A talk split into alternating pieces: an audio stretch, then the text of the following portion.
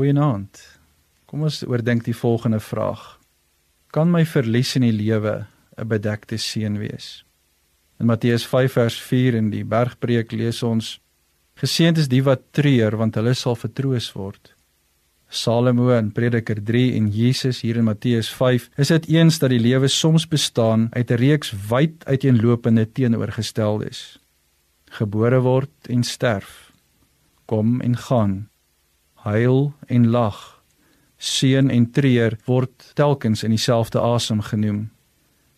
Jesus maak dan ook die amper abnormale stelling geseënd is die wat treur. Klink amper nie reg dat om te treur goed is nie. Die Bybel sê dat soms is huil en om te treur gepas, dis die regte ding om te doen, want die feit is eenvoudig. Die wêreld is gevul met 'n klomp hartseer. Daar is letterlik duisende dinge wat jy kan verloor.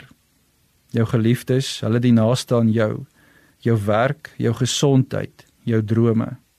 God verwag nie van ons om eenvoudig net te glimlag en dit te verdra nie. Soms is die enigste gepaste en logiese reaksie en respons op hartseer in hierdie lewe juis dan juis om te treur. Die Here verwag nie van ons om eenvoudig net ons emosies te onderdruk en te glimlag midde in die storms van die lewe nie. Jy kan ook treur oor jou teleurstellings. Dis al die goeie goed wat nie met jou gebeur het nie. En natuurlik moet jy ook aan treur oor jou sonde.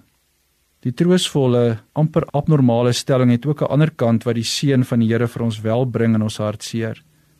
Dit sê want hulle sal vertroos word. Daarin lê die seën en geluk. Hoe troos God ons as ons treur? God trek ons nader na hom toe. Hy gee die Heilige Gees wat in jou woon iets wat niemand anders vir jou kan gee nie, naamlik troos. Hy sê ek gaan by jou wees. Jy gaan nie alleen hierdeur moet gaan nie. God treur saam met ons. God gee ook vir ons 'n kerkfamilie dalk om ons te ondersteun. Dalk ken jy die gesegde wat sê as jy 'n vreugde deel, word dit verdubbel en as jy 'n hartseer deel, word dit gehalveer. Daar sit baie waarheid daarin. Ons het mekaar nodig en daarom moet ons mekaar bystaan en help as een swaar kry en treur. So om te treur is nie sleg nie. Dit het sy tyd en plek. Maar weet net jy is nie alleen nie. Die Here is by jou.